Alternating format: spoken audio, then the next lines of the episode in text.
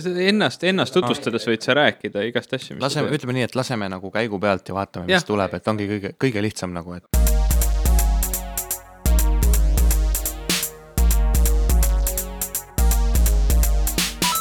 Tere, minu nimi on Ivo Krustok. tere, mina olen Jim Asilevi. ja see saade, mida te kuulate, on Pop absoluutselt kulturistid. kui see oli üks normaalsemaid avahetki, mis meil on olnud üle pika aja ju äh, ma ei ole sinuga nõus, ma arvasin, et ma ütlen midagi hästi vaimukat, aga siis see äh, kukkus läbi aga tead mis, Ivo, äh, see, kui meil ajud välja ei vea või noh, mul, olgem ausad, et sellest pole ju midagi hullu, sest et meil on alati varnast võtta väga andekad, väga asjalikud ja kihvtid inimesed, kes on aeg-ajalt nõus meile külla tulema. ja täna on meil külas härra Jan Pillav. kes on Jan Pillav? las ma ütlen teile, kes ta on. esiteks, Jan on mees, kelle käsi on selline, et kui ta peaks selle kunagi amputeerima ja ära andma kellelegi, siis ma tõstaksin esimesena käe ja ütleks, et andke mulle, sest et äh, Jani käe peal ma juba praegu siin, äh, kui ta istub meie vastas, ma näen, et tal on Super Mariost tuntud äh, täheke seal, tal on Super Mariost tuntud seeneke käe peal, tal on võib-olla kõige olulisema elemendina Grim Fandango peakangelane oma valge kolba ja sinise sinise ülikonnaga, äh, tal on Zelda südamed käe peal, ühesõnaga, ja Nintendo NES pult on tal samuti seal kuskil küünar, küünarnuki kõrval või seal käeõndlas või kuidas selle koha nimi ongi. et äh, no sellise vennaga ei saa lihtsalt alt minna ja mul läks elus nii hästi, et ma isegi elasin temaga koos Viljandis äh, sel ajal, kui me, kui me mõlemad käisime Kultuuriakadeemias. miks Jan täna meiega on, noh, see käsi räägib enda eest Jan teab väga palju videomängudest ja Jan äh, armastab videomänge võib-olla palavamaltki kui meie sinuga, Ivo, kahe peale kokku, kuigi seda võib olla raske uskuda, aga no ma kardan, et see on tõsi, sest et mina olen aastaid mõelnud äh, Megamani tät-, tätoveeringust ja siiamaani pole suutnud seda ära teha. Janil saab varsti käe peal ruum otsa ja peab edasi liikuma ülejäänud kehale. tere, Jan! tervist ähm,! ma pean kohe ära mainima, et äh, ma olen käinud äh, sõprade Puhata ja mängida podcast'is ja ise sai omal ajal tehtud kunagi Kangelane minu sees podcast'i, aga nii head sissejuhatust ei ole nagu mitte üheski podcast'is vist olnud, kui Jim praegu tegi. et äh, kui käsi maha raiuda, siis see ütleme, et annaks jälle Metal Gear'i plotile annaks ka nagu mingi oma, oma nagu nii-öelda väljendi, et eh, maha raiutud käsi aga ühesõnaga ei. sa pead seda Metal Gear'i tausta veel avama, sest et kuulaja ei tea, mis värk meil sellega on. me jõuame sinna, me jõuame sinna, aga igal juhul väga äge on siin olla, olen teie podcast'i kuulanud juba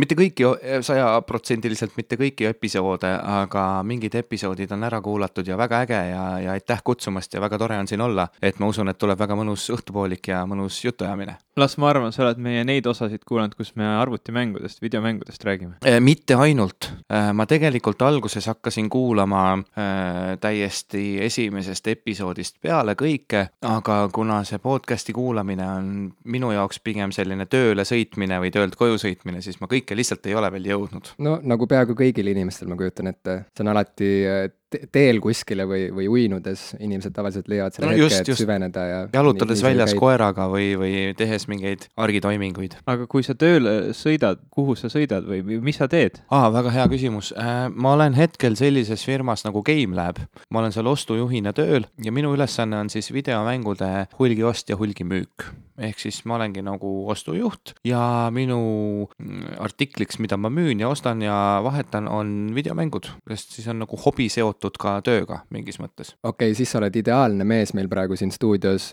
jah, ma nüüd mängisin just nagu ma ei oleks teadnud kus Jan töötab, umbes nagu see oleks olnud juhuslik praegu nii hea kokkusattumus, et oo, lisaks sellele, et ta armastab videomänge, ta ka töötab selles valdkonnas, näed, kui hea, et ta meile saatesse tuli Ähm, sattus saatesse kogemata nagu. Eksis aadressiga, mõtles, et tuli oma koju ja siis astus tegelikult Ivo koju sisse juhtumisi ja me just olime salvestamas. aga äh, ajas veel tagasi rännates, Jan, ma pean äh, meenutama seda aega, kui me sinuga tutvusime Viljandis, siis äh, sa olid üle pika aja üks äh, haruldasi kakskümmend pluss inimesi, kes veel endiselt avalikult julges tunnistada, et ta, et ta on mängur ja ma ei mõtle seda kasiino mõttes, vaid ma mõtlen seda videomängude mõttes. On.... ja, ja, ja ma mäletan seda ühte õhtut, kus noh, ma ei ole eriline nagu suhtleja tegelikult võõrastega, aga ma mäletan, et sa ise olid nagu nii avatud ja sõbralik, et üks õhtu, kui sina igavlesid oma toas ja mina igavlesin oma toas, siis lihtsalt tulid, koputasid mu uksele, ütlesid, et kuule, mul on nii igav, et äh, viitsid minuga hängida, et ma siin mängin just oma Nintendo DS-i ja siis istusid äh, mu kõrvale maha ja siis näitasid, et mis mängud sul DS-il ees siis on ja nii edasi ja siis sealt edasi juba õhtuti ma ka liitusin äh, si sinu seltskonnaga sinu taas, kui mängiti Wii peal golfi või, või mis iganes ja ma laenasin sulle oma konsoole ja ühesõnaga, et sealt see asi läks nagu käima ja ma olin täiesti hämmastunud, et vau wow,, et siin on üks inimene, kes on nagu loud and proud oma, oma mänguarmastuses, et ma ise olen, kusjuures ma siiamaani natuke nagu häbenen seda, kui ma olen nagu täiskasvanute seltskonnas, et siis mul, mul on niisugune tunne sageli, et, et minust ei saadaks aru, kui ma hakkaks rääkima videomängudest, et sinu puhul noh, seda, seda häda pole mul eales tekkinud ja see on ülitore et äh, nüüd, kus sa töötad selles valdkonnas, on ju, sa oled, sa oled äh, ühendanud, nagu sa ütlesid, oma hobi, oma kire, äh, oma professionaalse eluga, siis igatpidi sa ju hoiad kätt pulsil, et sa, või näppu pulsil, kuidas seda öeldakse, hoiad südamemonitori pulsil. Et, et sa tead ilmselt või noh, sul on nagu kohustus teada, et mis toimub videomängutööstuses praegu ja mis seal toimub võib-olla homme ja ülehomme, sa pead seda nagu ette nägema natuke, nii et kui sa praegu vaatad seda praegust konsooli põlvkonda ja üldse seda praegust mängijate põlvkonda, eh, mida sa näed seal nagu, mis on seal näiteks muutunud eh, viimase, ütleme, kümne aasta jooksul? kas sa näed, et eh, videomängud on saanud rohkem nagu mainstream'iks või see on ainult illusioon? Äh, sa esitasid mulle praegu nagu nii palju küsimusi korraga mitte isegi tegelikult küsimusi oli üks, aga, aga kui ma lähen korra tagasi ajas, et me tõesti jah, Viljandi Kultuuriakadeemias me elasime koos samas korteris, selle, seal elas veel inimesi, sest et see oli sihuke kommuuniaeg, noh nagu ülikoolis ikka inimesed elavad koos ja siis ma mäletan, et kui sa, Jim, ähm, kolisid meie korterisse sisse, siis äh, avatud olemine on üks asi, aga, aga äh, ma mäletan, et mingil hetkel äh, ma kuidagi sattusin su tuppa ja siis ma nägin seina peal sellist konsoolide ajafreimi või, või aja nagu, ajatabelit, kus olid erinevad konsoolid. kunagi, see oli sihuke meeletu graafik sellest, et kuidas üks äh, videomäng äh, viis teise videomänguni, et kuidas üks videomäng inspireeris järgmise tegemist ja siis see on sihuke meeletu suur plakat põhimõtteliselt, kus on lihtsalt nagu tihedalt, paksult. aastaarvude aasta ja kuupäevadega on välja toodud erinevad äh, konsoolide reliisid. mul on see alles veel. ja, ja siis oligi esimene küsimus oli, et oo, et sul on sihuke plakat, et kas sa tead üht-teist videomängudest ja siis tuli välja, et mitte üht-teist, vaid sa tead nagu päris palju videomängudest ja siis nagu, aa, okei okay,, see tähendab, et me oleme sõbrad ja, ja kõik mis veel parem küsimus, kui palju sa sellest plakatist tänapäeval peast tead, sest kui see sul kogu aeg seinal oli, eks ju, noh, kuupäevi võiks ju teada, et millal tuli välja teine Zelda mäng. tead, tegelikult see plakat oli mul seinal lihtsalt nagu selline ämblikuvõrk, vaata, et ma püüdsingi selliseid Janni-suguseid äh, endale sinna tuppa kinni, sest et mul oli vaja sõpru, kes, äh, kes armastaksid videomänge. see ei tähenda, et ma ise neist midagi üldse lugu peaks või, või, või et mul oleks aega neid mängida, nagu ma ütlesin, see Playstation kaks, mis mul oli, selle peal ma seda Final Fantasy kümmet mängisingi ainult kaheksa aastat ei no kui palju teadlasi, eks ju, teab Mendelejevi tabelit peast, et noh, see, see ei olegi tähtis. aga lihtsalt naljakas oli see, et see oli üks nagu selline pidepunkt, et mis aitas, noh vot sul on mul on kruusi peal praegu see Mendelejevi tabel, ma võiks Ivo ette lugeda küll. just kusjuures, et. alati peab olema igaks juhuks, kui keegi küsib, et Ivo, sa oled teadust õppinud, mis on Mendelejevi tabel, loe ette, siis on kruusil kirjas aga igal juhul naljakas oli see, et, et see kuidagi, ütleme, et videomängud kui kultuur äh, oli meile selline ühine pidepunkt, millelt sai hakata edasi liikuma nagu. ja nüüd siis tänaseks ma olen siin podcast'is juttu rääkimas.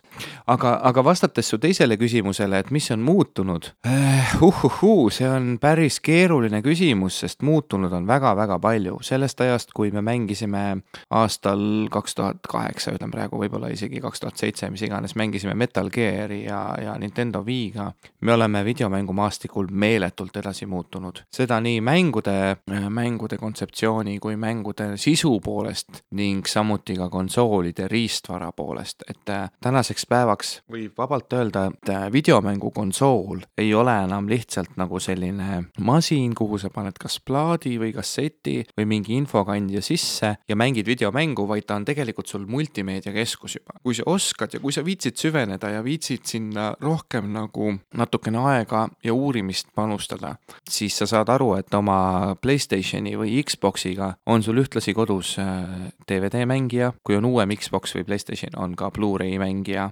on mingisugune masin, millega striimida Netflixi, Hulut äh,, striimida läbi wireless interneti oma arvutist näiteks mingisugust meediat, et äh, videomängukonsool ei ole enam tänapäeval lihtsalt nagu mängumasin, vaid ta võibki olla sul selline üleüldine meediamängija, mis on ühendatud telekaga ja sa saad sellega kõik oma, oma igapäevased äh, meediavajadused saad nii-öelda rahuldatud. aga praegu vaadates seda, kuidas Nintendo on hullult vaeva näinud, et Switch'iga kuidagi edukalt välja tulla ja vaadates ka seda, kuidas Playstation ja Xbox üritavad äh, püsida ajaga kaasas, on ju, et püsivad, äh, katsuvad pidevalt äh, kuidagi nagu täieneda ja muutuda ja astuda nagu ühte sammu sellega, mida inimesed ootavad oma selliselt kodu meelelahutus keskuselt. et, äh, et see on jube keeruline, see läheb ajaga aina keerulisemaks, sest et just nimelt see aeg, mida sa mainisid, kus konsool oli lihtsalt mängude mängimiseks, see aeg on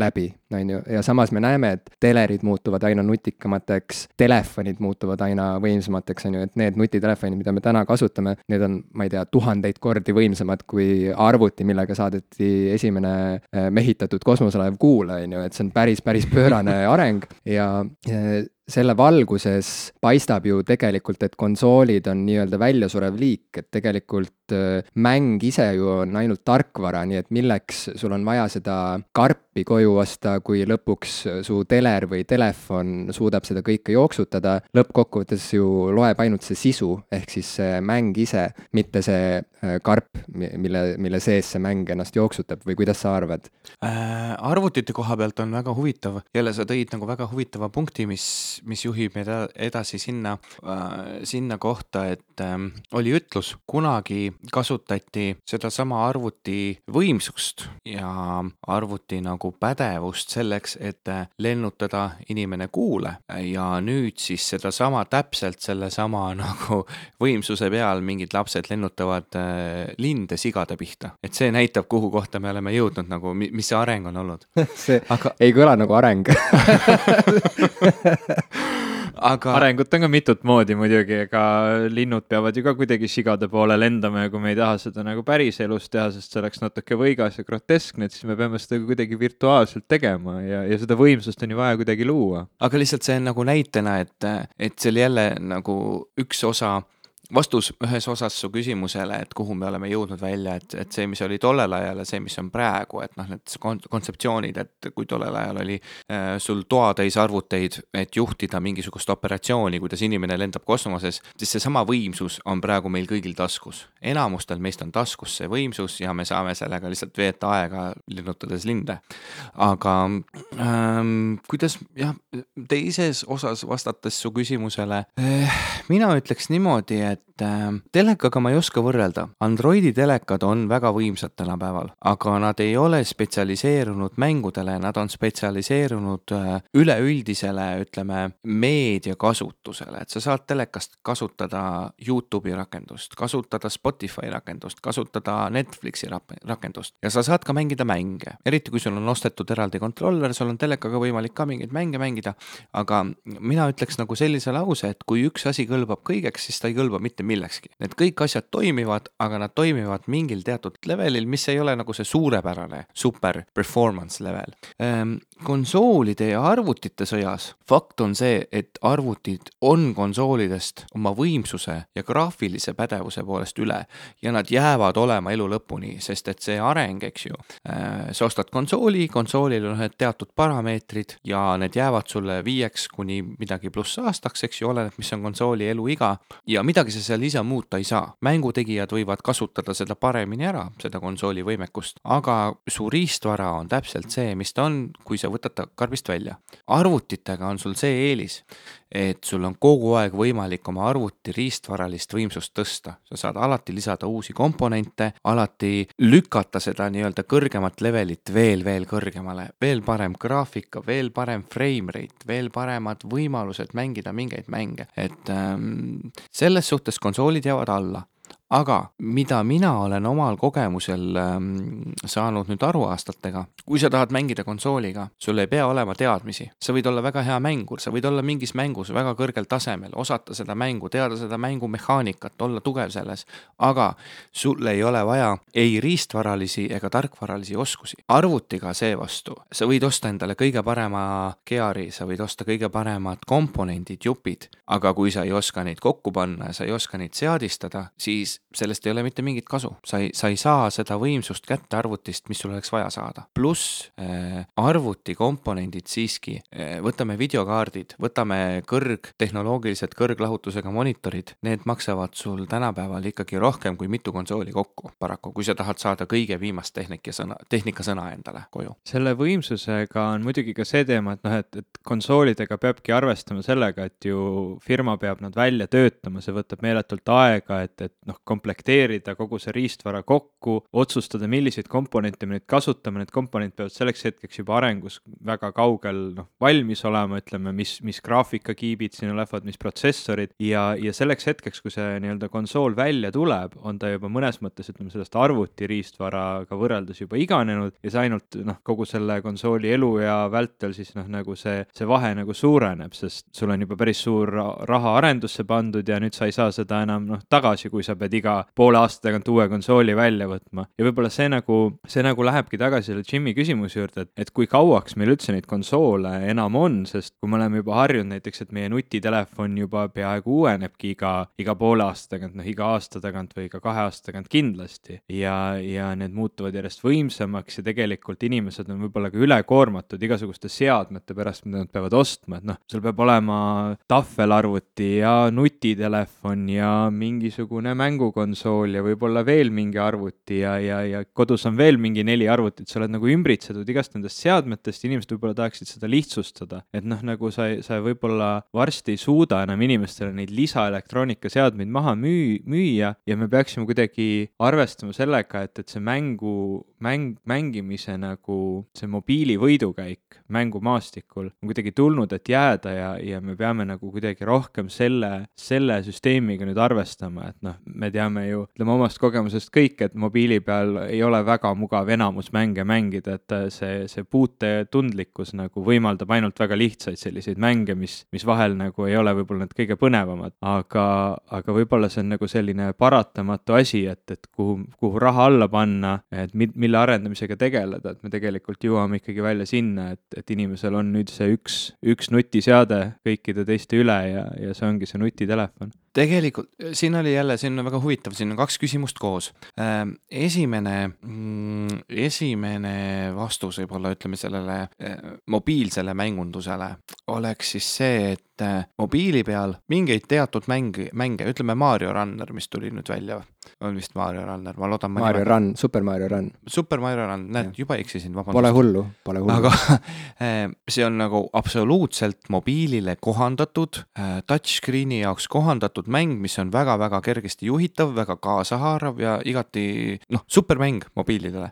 nüüd need mängud, mis ei ole võib-olla mobiilide jaoks otseselt Äh, seadistatud või otseselt mõeldud, siis ma olen nõus, et nad ei ole mobiilide peal kõige mängitavamad, sest et touchscreen'i, ütleme, et Megaman, Megamanist tuli nüüd äh, mingisugune Androidi ja iOS-i versioon välja, äh, nime kahjuks ei mäleta, aga no ma ei kujuta ette, kes mängib Megamani niimoodi, et tal on nupud seal touchscreen'i peal, et sul ei ma ole kujuta ette, ma just tõmbasin endale 3DS-ile, ostsin Megaman Legacy Collection'i, kus on kõik Megamani need kaheksabitised versioonid olemas koos erinevate arhiivimaterjalidega, sa saad seal vaadata neid vanu Jaapanis välja antud kassette umbes nagu keerutada neid, on ju. ühesõnaga, Megaman on ju kurikuulsalt raske mäng. see on nii raske mäng, et ma hakkasin Megaman ühte mängima jälle ja mõtlesin nagu, et kuidas, kuidas keegi üldse tänapäeva mänguritest nagu siit esimesest, unusta ära see esimene level. kõik noored, kellel on ADD nagu asjast saab üle hüpatud, see on nagu, et see, see on sihuke mäng, kus saad nagu kohe surma, sa võid seista paigal ja juba saad surma nagu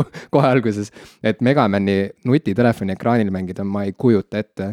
ja siin on nagu, siin on tulnud välja äh, erinevad aksessuaaride tootjad oma, omapoolse vastulöögiga. nutitelefonidele saab tänapäeval osta sellised äh, puldisarnased äh,, kuidas neid siis kutsuda ühed on puldiliidesed, teised on lausa sellised puldisarnased Raamid. ehitised, kuhu sa saad nagu telefoni sisse nii-öelda lükata ja, ja siis kasutada päris neid puldi füüsilisi nuppe, millel on füüsiline nupu feedback ja mängida siis neid mänge selle liidesega või selle nagu aksessuaariga. kusjuures ma natuke aega tagasi ostsin endale ühe sellise 8-bit too nii-öelda täp-, näeb välja täpselt nagu Nintendo, Super Nintendo või tähendab selle, mitte Super Nintendo, vaid lihtsalt Nintendo. NES, NES-i pult, ainult et tal on nuppe natuke rohkem, tal on lisatud või? Y ja X nupud aa, nii-öelda shoulder button'id või? ja, ja shoulder ah, button'id ka ja et tal on nagu natuke neid nuppe rohkem ja ta Bluetoothiga ühendub ilusasti minu telefoniga ära, aga neid mänge, mis seda toetaks, isegi mingid siuksed, millel on nagu ekraanil need, need nupud nagu tulevadki ekraani peale, sa peaksid seda justkui kuidagi niimoodi mängima, et isegi nende puhul kõik ei toeta seda ja, ja suuresti nagu mina aru saan, on viga selles, et ma valisin iOS operatsioonisüsteemi, mitte Androidi. et Androidi puhul need to toimivad nagu kuidagi paremini. aga siin on jällegi see, et sinul on nagu eraldiseisev pult, eks ju, sul on see praegu käes, mul on hea seda näha,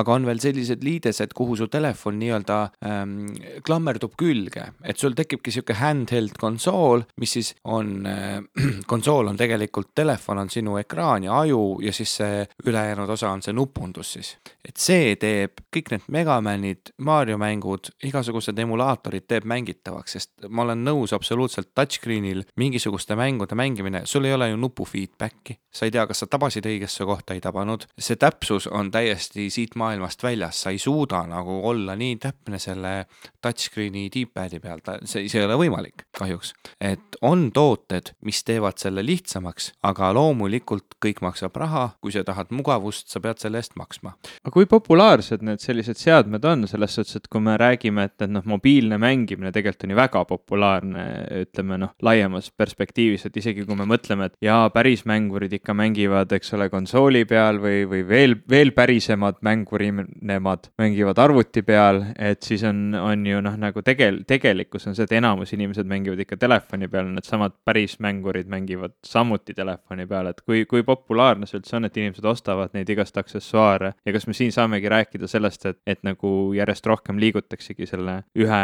mobiilse seadme peale, mille sul teebki sul kõik ära? Nad on selles mõttes populaarsed, et kui me räägime free gaming ust mobiiliplatvormil, vahet ei ole, kas iOS või Android, mobiiliplatvormil on tegelikult tasuta rakendusi, tasuta mänge väga-väga palju ja see teeb, ütleme lapsevanema jaoks, teeb mingis mõttes ähm, selle otsustamise lihtsamaks. sa ostad nutitelefoni, tänapäeval on tendents, millega mina absoluutselt ei ole nõus, aga on tendents, et igal lapsel on nutitelefon. vahet ei ole, mis ta võimsus on või mis ta tootja on, aga nutitelefon üldjuhul on olemas ja, ja päris varasest east juba. ja need liidesed, need puldi controller liidesed, need ei maksa, neid on, ütleme, kui eBay teha lahti või Amazon, need, nad ei ole kõrges hinnas ja neid erinevaid mudeleid erinevatele telefonidele on päris, päris hea valik tegelikult. et ma ütleks, et see on nagu ähm,, meil on legendaarsed kaks handheld nagu konsooli praegu, PlayStation Vita ja Nintendo DS, aga nende mänguvalik on piiratud. Nad on väga head, nad on väga kõrgekvaliteedilised, mul on äh, PlayStation Vita. Vita on vist hästi kaua olnud ka arendusest juba nagu maha jäänud või teda pole arendatud hästi palju? Äh, Sony võttis Vita nüüd nii-öelda,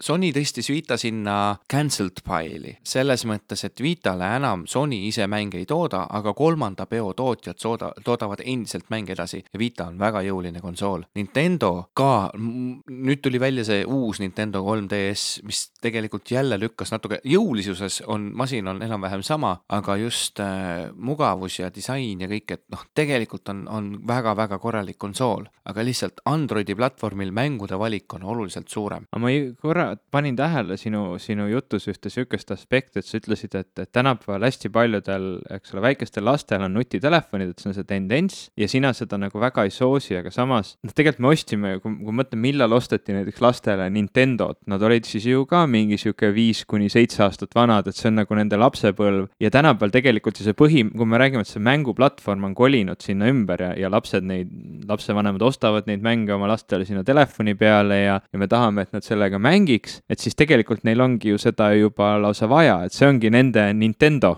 vot siin on nagu see aspekt, miks, miks ma seda isiklikult ei kiida heaks. mängunduse poole pealt on see superlahendus, sa ostad ühe toote, ostad telefoni, ta saab sellega mängida, välja, aga üldjuhul, mis kipub olema, lapsevanemad ei ole nii täpselt kursis kogu selle maailmaga, et nad oskaksid lapsi suunata esiteks õigete mängude juurde ja et nad oskaksid lapsi ka samal ajal kaitsta kõigi nende nii-öelda internetiohtude eest. sest tahtes neid mänge alla laadida, sa pead olema mingit otsapidi internetis ja see tähendab seda, et nutitelefoniga nagunii peab olema sul lapsevanemlik järelevalve kogu aeg olemas ja saadaval. et äh, kui sa ostad, ütleme, Nintendo 3DS-i, mis, mis ma tahan öelda? 3DS-i ja Vitaga, seal on Youtube'i rakendus, seal on äh, Twitch'i rakendust ei ole, aga noh, sul on netibrauser, kust kaudu sa saad justkui Twitch'i minna, aga sinu netikasutuse võimalused on ikkagi mingis mõttes piiratud. nutitelefon seevastu on äh, ütleme lõputute võimalustega, et sa ostad, äh, kui sa ostad enda lapsele kas DS-i või ostad Playstation Vita, sa ostad talle nagu sellise mängukonsooli mängimise jaoks. kui sa ostad lapsele nutitelefoni, siis sa ostad talle sõna otseses mõttes ikkagi arvuti. et see ongi see vahe, miks ma, miks ma arvan, et äh, väga noores eas arvuti omamine ei ole veel kõige õigem, äh, kõige õigem asi, mida lapsele pakkuda. no kui me läheme nüüd natuke ajas tagasi, kui vana sina olid, kui sa esimese arvuti said või ja mis sa temaga arvut... tegid, kas sul oli nagu, mängisid sa arvutiga kunagi? siin on, vaat see on kas väga... juhtus ka midagi halba? see on väga hea küsimus. oma esimese arvuti sain, kui ma olin seitseteist, aga oma esimese Nintendo sain ma, kui ma olin seitse. ja tollel ajal ei olnud mitte mingisugust online play'd, äh, ei olnud mingisugust ähm, ütleme ohtu selles konsoolis ja oli olemas sotsiaalne aspekt. mul oli kaks pulti, sõbrad tulid minu juurde külla. Äh, me mängisime mingeid asju koos, see ei olnud, et me mängime üle interneti ja karjume üksteise peale kuskil headset ides. mu sõber tuli külla, äh, me mängisime koos, me suhtes, samal ajal me suhtlesime nagu külg külve kõrval. ja ma..., ja kui närvi ajas, siis said nagu kohe anda. sain kohe tau panna ära yeah. nagu, et ei olnud mingit sihukest asja, et Street Fighteris võidad jutti, ei, kui sa nagu kolm korda võitsid, siis sa pidid nagu kiirelt toast ära minema, sest nagu kui sul mingi agressiivne sõber oli külas, siis sa teadsid nagu, et mis sa tajusid selle kaasmängija emotsiooni kohe ära. tänapäeval internetis mängides, jah, ta võib-olla ütleb sulle läbi headset'i, et sa oled jobu, aga tegelikult sa tema päris emotsiooni ei näe. mis Jim sinuga tegi, kui sa teda golfis võitsid äh,? mitte midagi, sest me olime üle kahekümne aastased juba tollel ajal mida sa arvad, et ma tegin? surus, surus mu kätt ja ütles, et äh, parem mees võitis ma ei ole sinuga kunagi golfi mänginud, ma ei tea. ma äh, täiskasvanule kohaselt, ma kogusin selle viha kõik endasse, surusin alla ja suunasin seda täiesti valedesse kohtadesse, selle asemel, et lihtsalt Janni lüüa. no ma ütlesin oma tüdruksõbrale, et ta on kole peale kaotust Jimile. ei ütle, ei, ei, ei ütelnud, ei ütelnud, aga noh, tegelikult. ma kohkusin ära täitsa ei aga äh, see on nagu naljakas, et äh, tollel ajal, äh, olles ise nüüd ütleme siis kaheksakümnendate laps, oli videomängudes ikkagi sotsiaalne element oluliselt suurem. tänapäeval seda ikkagi kahjuks, see on olemas teatud mänguliikides, mina ise olles suur nagu võitlusmängude austaja tajun seda pidevalt, et inimesed tulevad kokku kellelegi külla, nad võtavad kas Street Fighteri, Mortal Combati, nad harjutavad seda koos, sest internetis on viivis, lag on niivõrd suur, et ei ole mõtet üle neti mängida, see frustreerib ja kaotused teevad sind väga-väga vihaseks. kui sa mängid ühe, ütleme, ühe konkreetse kuvari taga, ühe konsooli taga, siis mõlemal mängijal on absoluutselt täpselt samad võimalused, mingisugust viivist ei ole ja võidab parim, nagu võidab parem mängija, et seal ei saa olla küsimusi. see on huvitav, et sa räägid niipidi, et sotsiaalne aspekt oli siis just nagu suurem, samas kui tegelikult praegu äh, inimesed kannavad oma mänge üle Twitch'is näiteks on ju tuhanded inimesed üle maailma saavad liituda, kommenteerida. minagi olen vaadanud, kuidas sa Twitch'is mängid ja olen sulle esitanud küsimusi seal ja, ja et see kõik äh... nagu tundub, kui seda vaadata teistpidi, siis tundub, et see sotsiaalne aspekt on just nimelt plahvatuslikult äh, laienenud, kasvanud. vaata siin, see on, see on väga hea point, see on väga hea point, Jim, aga siin tekib nagu selline äh,, siin tekib selline teatav vastuolu, et ähm, kui mina mängin midagi, siis Twitch'is oled sa minust ohutus kauguses ja sa saad mulle öelda, et sa oled jobu, miks sa seda meest maha ei lasknud või miks sa siit läbi ei läinud või kuidas sa ei saa hakkama, sa oled halb mängija. ma vastan sulle, et oo, sa oled ise halb ja siis lähme magama ja hommikuks me oleme selle unustanud. aga kui sa oled minu, noh, me oleme külg külve, külg külje kõrv, kõrval vastakuti kuskil samas ruumis ja mängime, siis sa hakkad mõtlema hm,, kas mul praegu on mõistlik näiteks seda kommentaari öelda või kuidas ma peaks nagu lahendama selle olukorra, et need need olukorrad on, on erinevad kas sa oled inimesega, veedad aega samas ruumis või sa oled kusagil ohutus kauguses ja saad öelda ükskõik mida, pluss teine asi on see, et meie sinuga oleme juba aastaid-aastaid olnud sõbrad, eks ju, ja ma tean, et kui sa midagi kommenteerid, et noh, ma, ma umbes kujutan ette, eks ju, mida sa mõtlesid. kui mingi võõras inimene kommenteerib, et sa oled halb mängija, sa ei tea mängudest midagi, sa rääkisid praegu mingid valed faktid, kui see võõras inimene oleks minu kõrval antud hetkel mängimas, kas ta siis ka ütleks neid asju, seda me ei tea arvatavasti ei ütleks, kui ta ei ole just nagu täielik douchebag samal ajal. mul on endal nagu selles suhtes noh, kogemus natuke teistpidi, mina hakkasin arvutiga mängima väga noorelt ja noh, loomulikult siis ei olnud nendel arvutitel väga internetti, aga ma mäletan, et kui, kui see internet ka lõpuks nagu tuli minu koju, siis minu üks esimesi selliseid suuri, suuri mänge, ma jälle vabandan kõikide kuulajate seas, ma teen seda kogu aeg, ma hakkan jälle RuneScape'ist rääkima, sest ma mängisin seda jube palju ja, ja see on nagu vana sõltlane ikka räägib oma, oma probleemidest probleemidest elu lõpuni. Eh, et siis nagu seal oligi see nagu sotsiaalne aspekt nii, nii ääretult tugev, et, et noh, nagu see, see ületas nii riigipiire, ületas nii, nii ütleme, Eesti-siseselt ma rääkisin noh, täiesti noh, enda jaoks esialgu võõraste inimestega, aga sain läbi selle mängu nagu väga palju siukseid noh, internetisõpru juurde, et need on inimesed, kellega ma tegelikult päriselus väga vist, vist lõpuks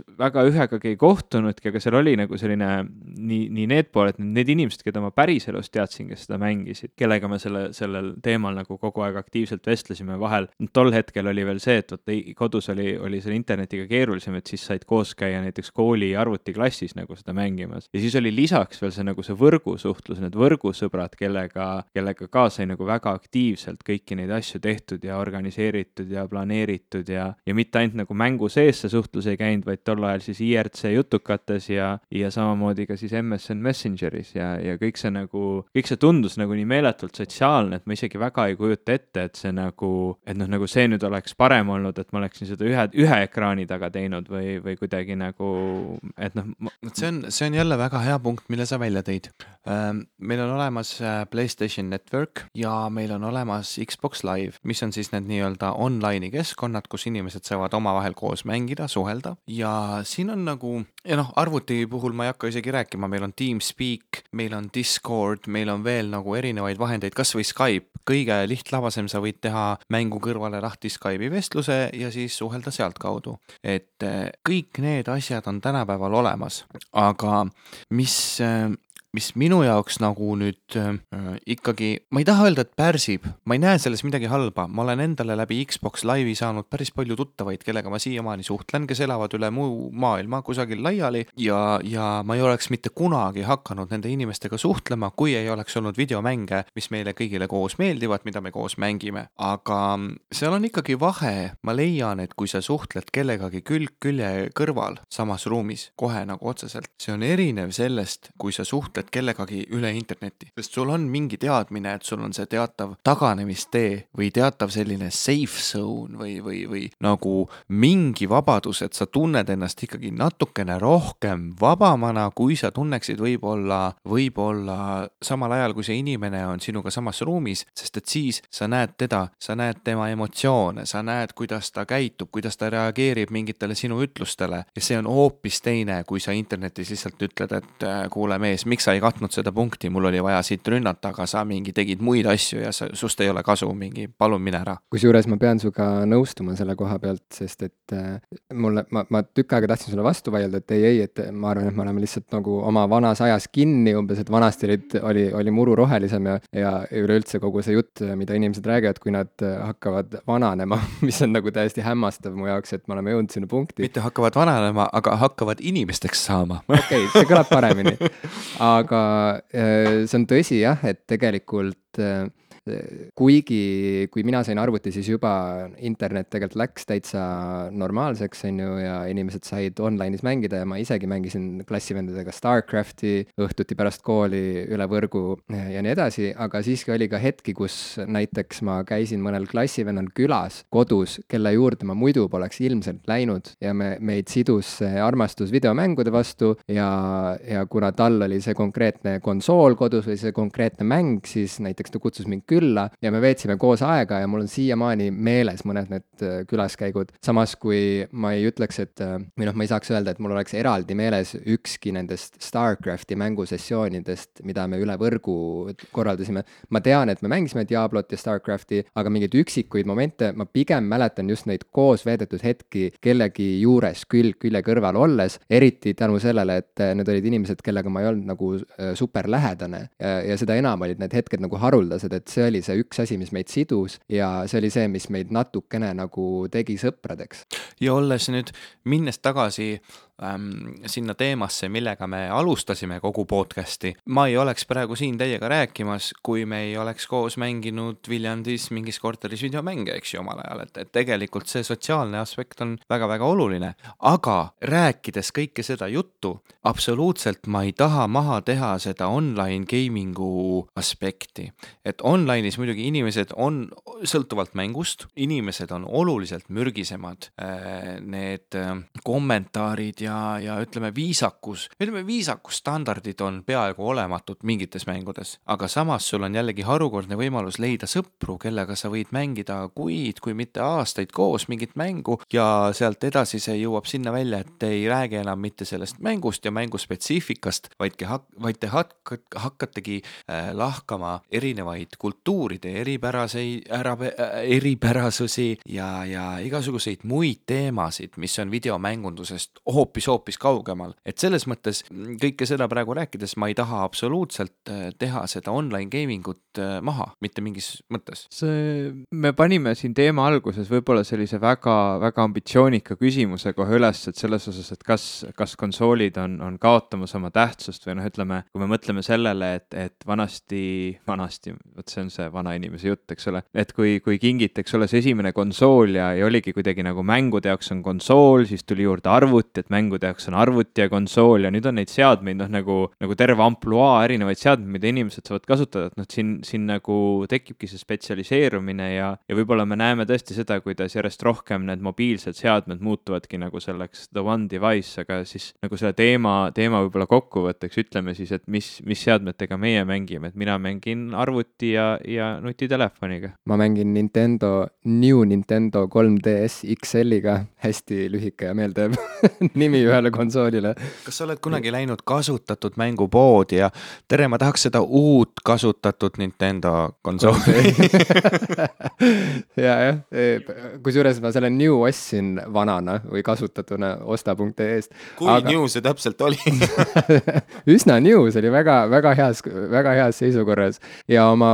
Playstation kahe, e, mis oli sild minu ja sinu vahel, Jan, kui me e, jagasime vaimustust Metal Gear Solid kahe üle ja, ja, ja, ja, ja nii edasi, et selle ma müüsin maha koos, koos, koos Wii U-ga, mille ma hiljem ostsin. nii et praegu mul on ainult üks konsool, aga olen väga elevil Switchi pärast kusjuures ja äh, kavatsen selle ka osta ja üleüldse ma arvan, et on tagumine aeg hankida ka uuesti Playstation.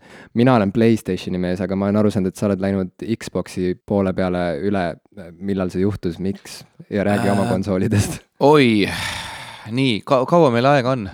et väga vähe.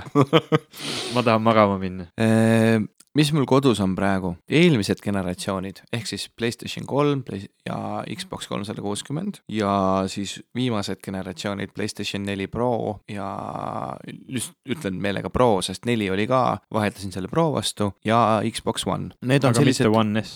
ma vaatan netist seda One S-i Gears of War nelja väljalaset ja ma nutan südames, sest et ma ei suuda mitte kuidagi endale põhjendada ära, et osta sama konsool aga kaks korda kallima hinnaga.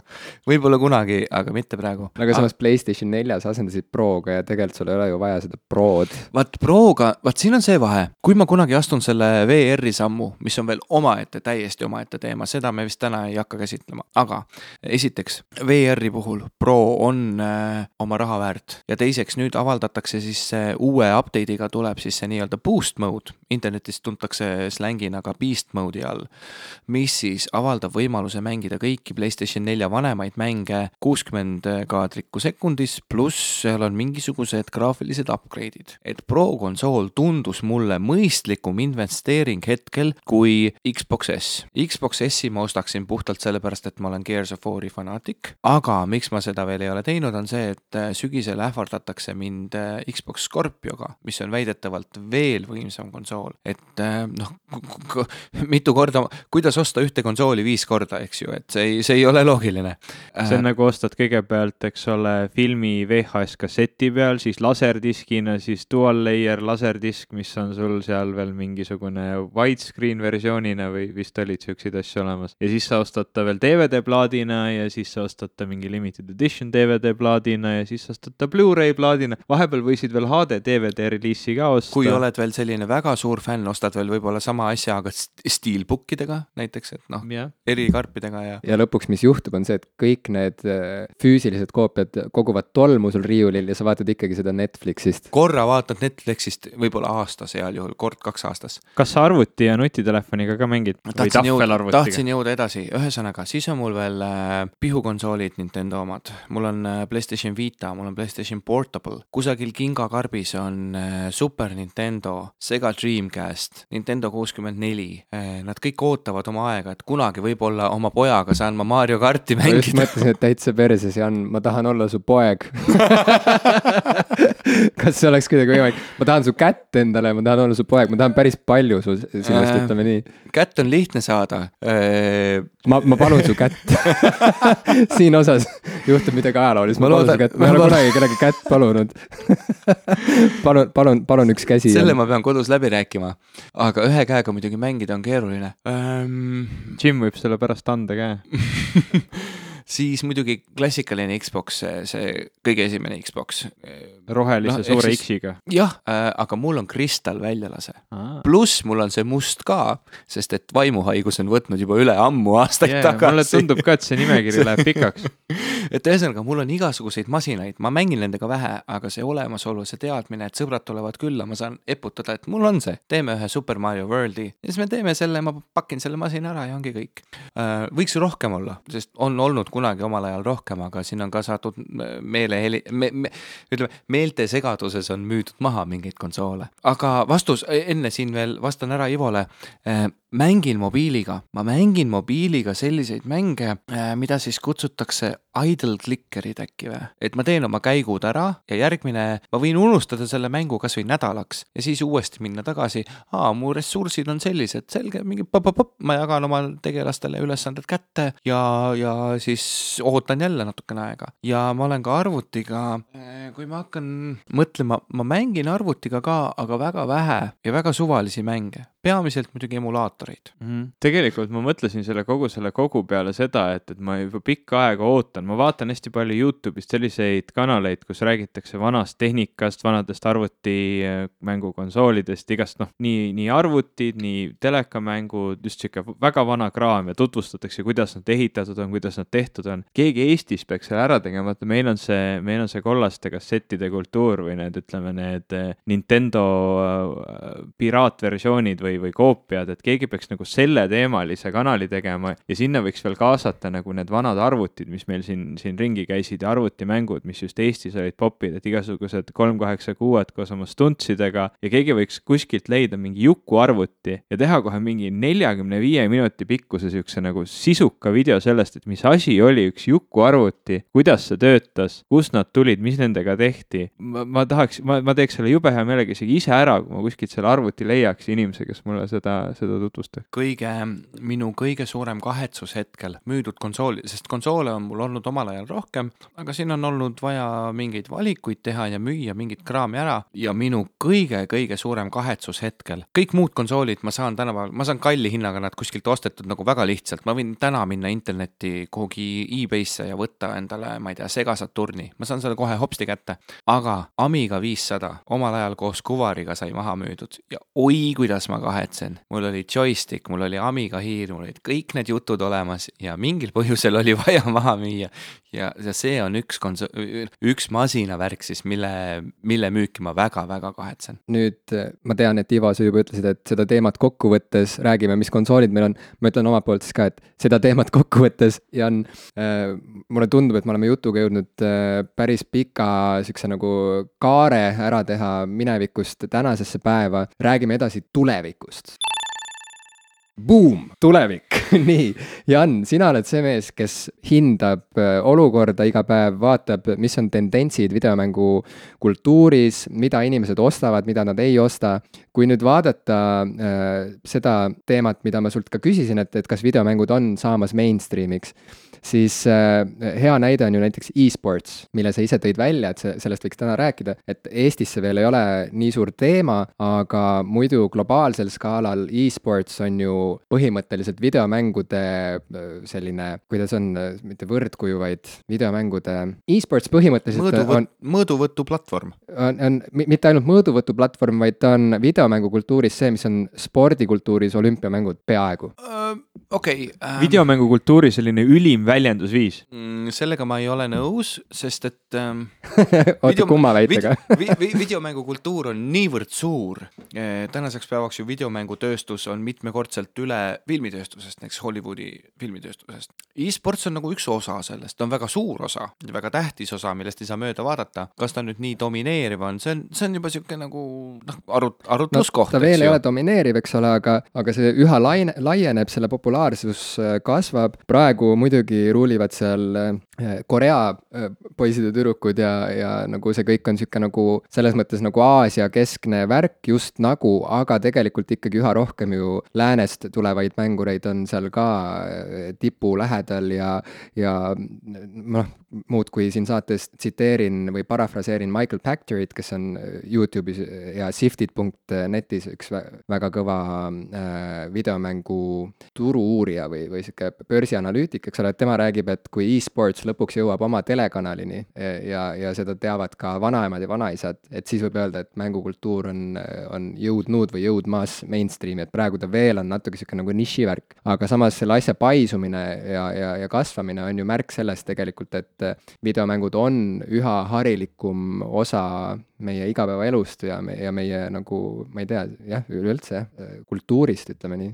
nüüd me jõudsime jälle, see on väga huvitav, ähm, siin on mitu küsimust koos nagu või mitu, mitu teemat koos, mida saab hakata rääkima. Äh, videomängude, ähm, ütleme siis e-spordi osakaalu absoluutselt äh, rumal oleks eirata või mitte sellele tähelepanu pöörata, mitte rääkida sellest. inimestele meeldib võistelda, on, on terve elu meeldinud, võisteldakse kõiges, võisteldakse spordis, jalgpallis, räppimises, koka kaevanduses, kivipaberkäärides, kõiges võisteldakse ja noh, videomängud on lihtsalt üks, üks valdkond, kus võistelda. seda on tehtud aastaid-aastaid tagasi juba, et see, et praegu meil on see e-sport nagu väljend, tegelikult me läheme arkaadimaailma tagasi. oli selline sait nagu Twin Galaxies, mis äh, fikseeris, Twin Galaxies on tegelikult tänase päevani olemas, nad fikseerisid videomängude rekordeid, sa said sinna oma VHS-i salvestuse saata. Komisjon hindas, kas see on autentne või mitte, kas see on nagu päriselt tehtud või sa oled seal kusagil midagi tamperinud selle see kõlab nagu nii retsilt kohmakas süsteem no jaa, aga mida sa teed, tolle, tolleaegne tehnika oli selline, eks ju. ja olid ju videomängude võistlused on olnud juba tegelikult Nintendo ajastust, meil on ju Nintendo need ähm, NES-i need cartridge'id, need championship. legendaarsed kuldne ja, ja mitte kuldne. kuldne ja variant. hõbedane ja. variant, just, just täpselt, juba sellest ajast nagu. ja lihtsalt e-sport on tänaseks kasvanud nii suureks, et seal taga äh, need äh, autasuraad on juba nii suured, et see on, ütleme nii, et see on lausa käsitlematu, et inimesed saavad nagu, saavad raha selle eest, et nad on mingis videomängus väga head, et noh, tegelikult ütleme konservatiivsest vaatenurgast see on ju absurd, mis, mis mõttes sa saad arvutimängu eest raha.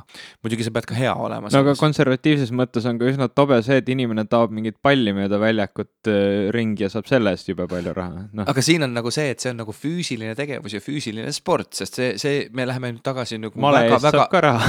Male, male eest saab ka raha, aga need on kõik asjad, mis me, me võime tagasi minna ajas nagu aastaid, aastaid, aastasadu, et, et videomängud ja e-sport on selline uuem kontseptsioon.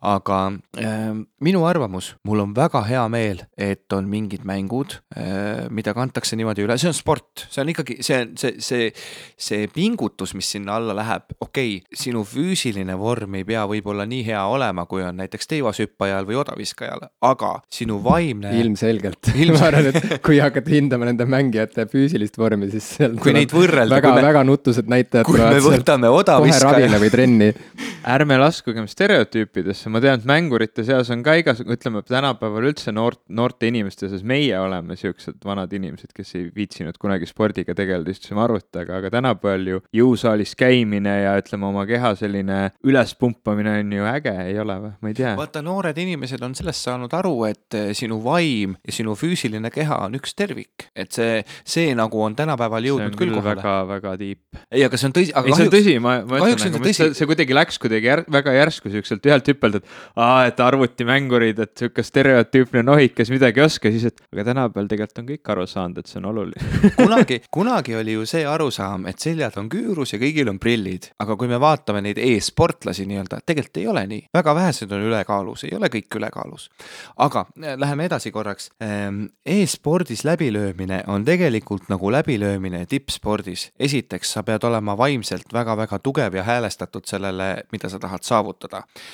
teiseks, see trenn, mis sa teed, seal on, ähm, üks asi on sinu vaimsel osal, aga teine asi on ka lihasmälul, et oleneb mängust muidugi, aga see ei ole lihtsalt see, et ma vaatan, kuidas kõvad mehed mängivad, oh, ma teen ka pärast nii. kui su käed ja näpud ja su silma ja näpu koordinatsioon ei tööta koos, sa ei ole võimeline tegema neid liigutusi, sa ei, lihtsalt ei saa sellel tasemel mängida.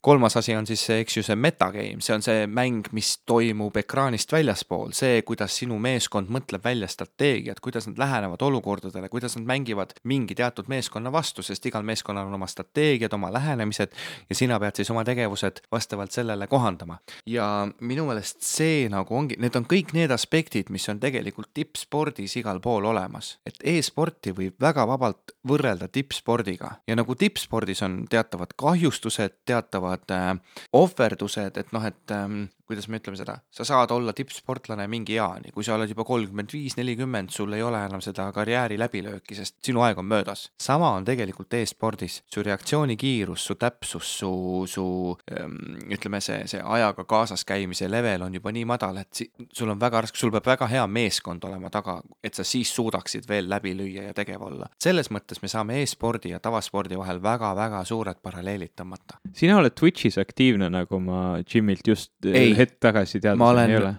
väga-väga vähe aktiivne, ma Twitch'is, minu, minu jaoks ei ole Twitch mingisugune primaarne tegevus, ma vahel natuke ajaviiteks Twitch'in, viimased pool aastat ma ei ole vist Twitch'i isegi käima pannud, aga, aga küsi lõpuni see küsimus. ma ise olen seda paar korda katsetanud, aga siis mulle öeldi, et see on natuke igav, kui ma lihtsalt ringi kõnnin mööda The Long Darki mängu. aga, aga ma mõtlesin nagu selle küsimusega sinna välja jõuda, et tegelikult ju meil Eestis ka terve e-spordi kultuur ja on ka täiesti täiesti maailmatasemel mängijaid, et noh, minu teadmised siin piirduvad ühe pealtnägija osaga, mida ma vaatasin ainult spetsiifiliselt sellepärast, et, et seal räägiti sellest e-spordist ja see tundus põnev, et muidu ma nagu tavaliselt pealtnägijat ei vaata. aga seal tõesti oli ju vähemalt, kui, kui ma õigesti mäletan, kaks täiesti nagu maailma tipptasemel mängijat, kelle meeskondadel on olnud võimalusi ka täiesti noh, nagu need, need olid need siis erinevad, kas, kuidas neid kutsutakse, need Dotad ja League of Legend tüüpi mängud, ehk siis sellised nii-öelda five versus five Live mingid siuksed, äh, siuksed strateegiamängud vist või, või, või ma ei ole ise nendesse väga süübinud, oskad sa nagu lahti seda selgitada? Ehm, selles mõttes oskan, et äh, pealtnägija koha pealt täiesti õigus, äh,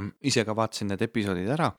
meil on tegelikult veel mängijaid, kes on päris heal tasemel ja kes on siin-seal ikkagi võitnud ja on siin-seal näidanud üles väga-väga head mänguoskust, aga mis, mis on siis olnud see põhjus, miks nemad ei ületa uudiskünnist, on see, et tegelikult need või, võidurahad, mis seal liiguvad, ütleme võitlusmängude puhul just, ma räägin siin igasugused Marvel versus Capcom, Street Fighter, Mortal Combat, need auhinnarahad, mis meil liiguvad Lätis, Leedus, Soomes, Venemaal, nad ei ole võrreldavad nende auhinnarahadega, mis on näiteks League of Legendil või Dota kahel. et sellepärast ei ole ka need inimesed saanud nagu nii kõva kajastust, nad on käinud ja mänginud ja tegelikult saavutanud päris häid tulemusi, aga lihtsalt see ei ole, see ei ole uudiskünnise norm kahjuks, paraku. aga mis mängud need on, mida peamiselt siis e-spordina mängitakse, et noh, mina tean, et on League of Legends ja Dota ja on, on Starcraft ilmselt siiamaani veel täna, täna, tänaseni jäänud ja siis see CS, CS, mis ta oli, KOV, ei, see ei kõla. CSGO jah, see on, see, see on nagu Half-Life'i mingi edasiarendus oli just, kunagi tuli välja, eks ju, Counter Strike ja nüüd seda on arendatud täna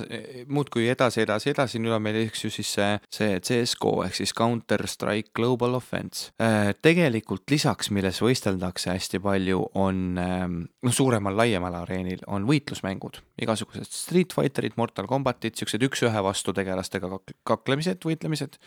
seal muidugi, Eestis ei ole siin nagu mingit kajastust, välismaal tegelikult mingid rahad liiguvad ja mingid auhinnafondid on, aga ta ei ole poolt, ta ei ole võrreldav näiteks äh, Dota kahe auhinnafondidega. Need, see on täiesti võrdlematu. oskad sa mingeid numbreid välja tuua? ei oska, netist saaks neid järgi vaadata, praegu ütlen ausalt, ei teinud kodutööd, ei oska sulle öelda, aga no vahed on ikkagi meele, no kolmekordsed, äh, kui mitte rohkem. mängitakse ka Call of, näiteks Call of Duty meistrivõistlused lausa, nagu maailmameistrivõistlused olid, äh, mängitakse veel Halot, äh, see on siis üks Xbox'i eksklusiivtulistamismäng, et tegelikult võisteldakse päris paljudes mängudes, võistelda saab kõiges. meil on Eestis, Eesti koha pealt kaks ägedat asja, ma ei taha promo teha, aga ma lihtsalt mainin ära, on virtuaal pallurite liiga on, kes teeb nii korvpalli kui jalgpallimänge, erinevaid võistlusi erinevates kohtades. pluss on siis virtuaalralliliigad, kus inimesed saavad sõita nagu erinevates rallimängudes oma nii-öelda noh, ongi nagu rallihooajad, kus inimesed saavad võistelda. sa võid teiega promo teha, me promome oma asju kogu aeg no.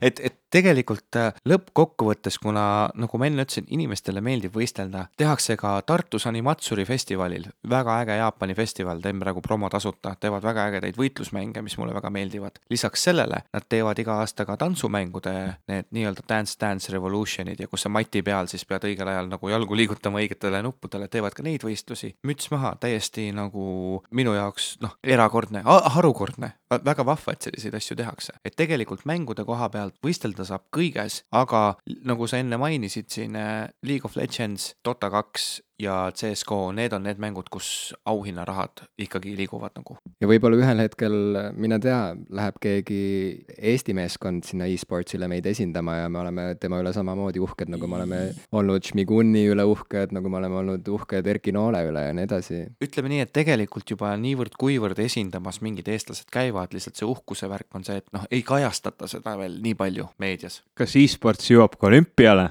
Vot ei oska sulle öelda, olles kunagi nagu nooremas, siin tõesti me räägime, me räägime kakskümmend pluss, äh, vabandust, kümme pluss aastat tagasi, olles ise olnud sihuke rulaspordi suur austaja ja, ja, ja harrastaja, siis äh, rulatamine on ju olümpial olemas nüüd tänaseks. on ka või? Kas minu meelest, eh, kas nüüd järgmisel olümpial rulatamine ei olnud mitte üks ala, võib-olla ma eksin, aga. äkki peab nagu... uuesti üles võtma, ma just eh, mitu päeva tagasi, see oli Simple Session oli ja just lõppes ja mina olen, ma käisin teisel üldse Eestis korral-, Eestis teisel korraldatud Simple Sessionil, ma isegi ei tea, mis aasta see oli, aga ta oli siis veel Tartus. Ja siis ma käisin sellel Simple Sessionil kohal, mis toimus Tallinnas esmakordselt Saku Suurhallis. Ja pärast seda on nagu suur tühimik, ma ei tea üldse, mis on toimunud, aga nüüd ma jälle vaatasin seda, see oli kuidagi nii äge ja ta oli palju ägedam, kui ma üldse mäletasin ja siis ma hakkasin kuidagi sellist, kondid hakkasid juba valutama, et tekkis sihuke tunne, et äkki peaks, peaks taas nagu rulaga sõitma hakkama, aga ma olen päris kindel, et, et äh, minu tervis, minu füüsiline vorm seda enam mitte kunagi uuesti välja ei veaks, et see oleks lihtsalt kohutav, kohutavalt lõppev asi. liigume, liigume mingisugune siin korra teemast kõrvale, umbes seitse-kaheksa aastat tagasi käisin kellegagi skatepargis, ma ei mäleta, mingi sõbraga, kes oli ka sihuke vanem nagu rulataja. proovisin seal paari asja, kukkusin haledalt vastu maad ja andsin rula mingile väiksele poisile, et näe, ole hea, nüüd on sinu kord hakata sõitma. ja lõpp, minu rulakarjäär lõppes seal kohas. aga kujutad sa ette, et üks päev äh, tuleb hetk, kus sa annad oma mängupuldi niimoodi, näiteks oma pojale ütled, et enamustel Mine. võistlustel on mul nagu selline, kui ise olles nagu võitlusmängude mängija, siis igasugused Street Fighter, Mortal Combat, Persona neli Arena, siuksed üks-ühe vastu võitlusmängud ähm,. kuna hetkel ei ole enam aega nii palju sinna panustada ja treenida ja näha vaeva, siis tulemused kannatavad. Ikkagi, ütleme, top kolme pääsemine on juba sihuke pingutus, kui vanasti ütleme, nüüd olles nüüd sihuke kehkenpüks eputaja, vanasti top kolm oli garanteeritud, siis nüüd peab nagu vaeva nägema ja pahatihti on see tunne, et et äh, miks ma seda teen, see ei ole ju lõbus, et selles mõttes see trenn ja kõik, mäng on äge ja mängida on kihvt, aga, aga et niimoodi vaeva näha ja ennast häälestada ja olla hea selles mängus, see ei, see nõuab ola-, see nõuab oluliselt rohkem äh, ressursse, kui mul praegu on,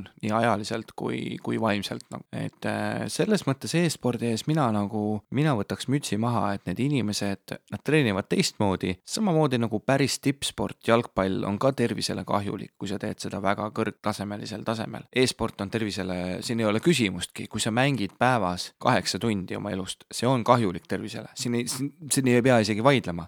aga lihtsalt, kui on rahad mängus ja kui see on sinu karjäär, siis sa teed seda. samamoodi nagu jalgpalluritel ka, ma kujutan ette, et mingid lihaskrambid, valuvaigistid, jumal teab mis, sellest ei räägita, sest see on nii enesestmõistetav, aga see on tervisele kahjulik, seal ei ole küsimustki. me rääkisime sinuga sellest, mismoodi konsooli funktsioon on muutunud meie majapidamises, ütleme ütleme, viimase isegi nagu kahekümne viie aasta jooksul võib-olla, äh, ja ikkagi tahaks pigistada sinust välja mingisuguse tuleviku ennustuse. praegu me nägime kõrvalt, kuidas Nintendo tohutult püüdis tõusta Phoenixina tuhast pärast Wii U läbikukkumist, kõik ootasid, et nii, mis see Switch nüüd on, mismoodi nad ennast päästavad. Ja siis äh, tuli see asi nüüd lõpuks välja, eks ole, seda veel osta ei saa, aga kõik teavad, mis asi see nüüd enam-vähem on. Ja, ja näis siis, kas Nintendo kukub sinna põrmu tagasi või, või tõesti tõuseb Phoenixina. esiteks, mis on sinu ennustus Nintendo lähituleviku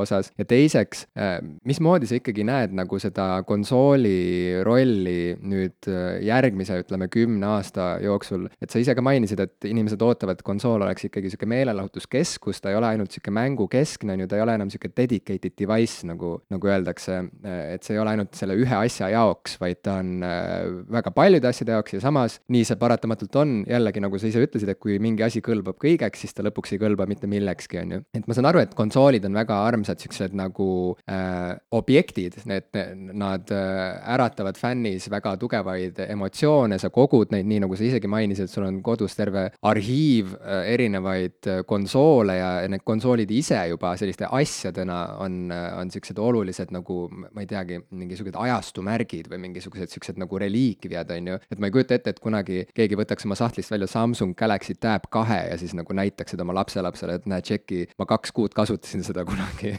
aastal kaks tuhat kümme, on ju, et noh, et mis asja, et, et konsool, noh, et ta on natuke nagu auto või nagu mingisugune, saad aru, et mingid siuksed asjad, mis, millest saavad nagu siuksed kultusobjektid või siuksed nagu fetiši objektid, et aga mismoodi sa näed ikkagi nagu, et mis võimalused on konsoolil ellujäämiseks tulevikus, nii et kaks küsimust, esiteks, mis, mismoodi sa ennustad Switchi tulevikku ja teiseks, mismoodi sa üldse näed nagu konsooli rolli järgmise kümne aasta jooksul inimeste elus? sinu sellele jutule on mul kolm vastust. kõigepealt Nintendo Wii U ei olnud läbikukkumine. see, Sorry see..., minu jaoks isiklikult ka mitte, aga need majanduslikud näitajad olid Nintendole ikka nagu rängad. jaa, seda küll, aga, aga, aga me peamegi nagu aru saama, mis on Eesti turg ja mis on välismaa turg. tegelikult Wii U ei äh,, minu silmis see konsool ei kukkunud läbi. ta ei olnud nii hea kui Wii, seal ei ole küsimustki, sest Wii oli nii uudne ja nii lihtsalt nagu läbi lae konsool, et seda latti ületada oleks olnud väga-väga raske. Wii U oli väga hea konsool, aga Wii U ei teinud seda, mida Nintendo Switch nüüd teeb. tal ei olnud äh, mobiilsust mobiilsust või portatiivsust. Sa ei saanud võtta seda suurt ilusat ekraani endaga kaasa rongi ja mängida seal seda Zeldat näiteks, mis reklaamis,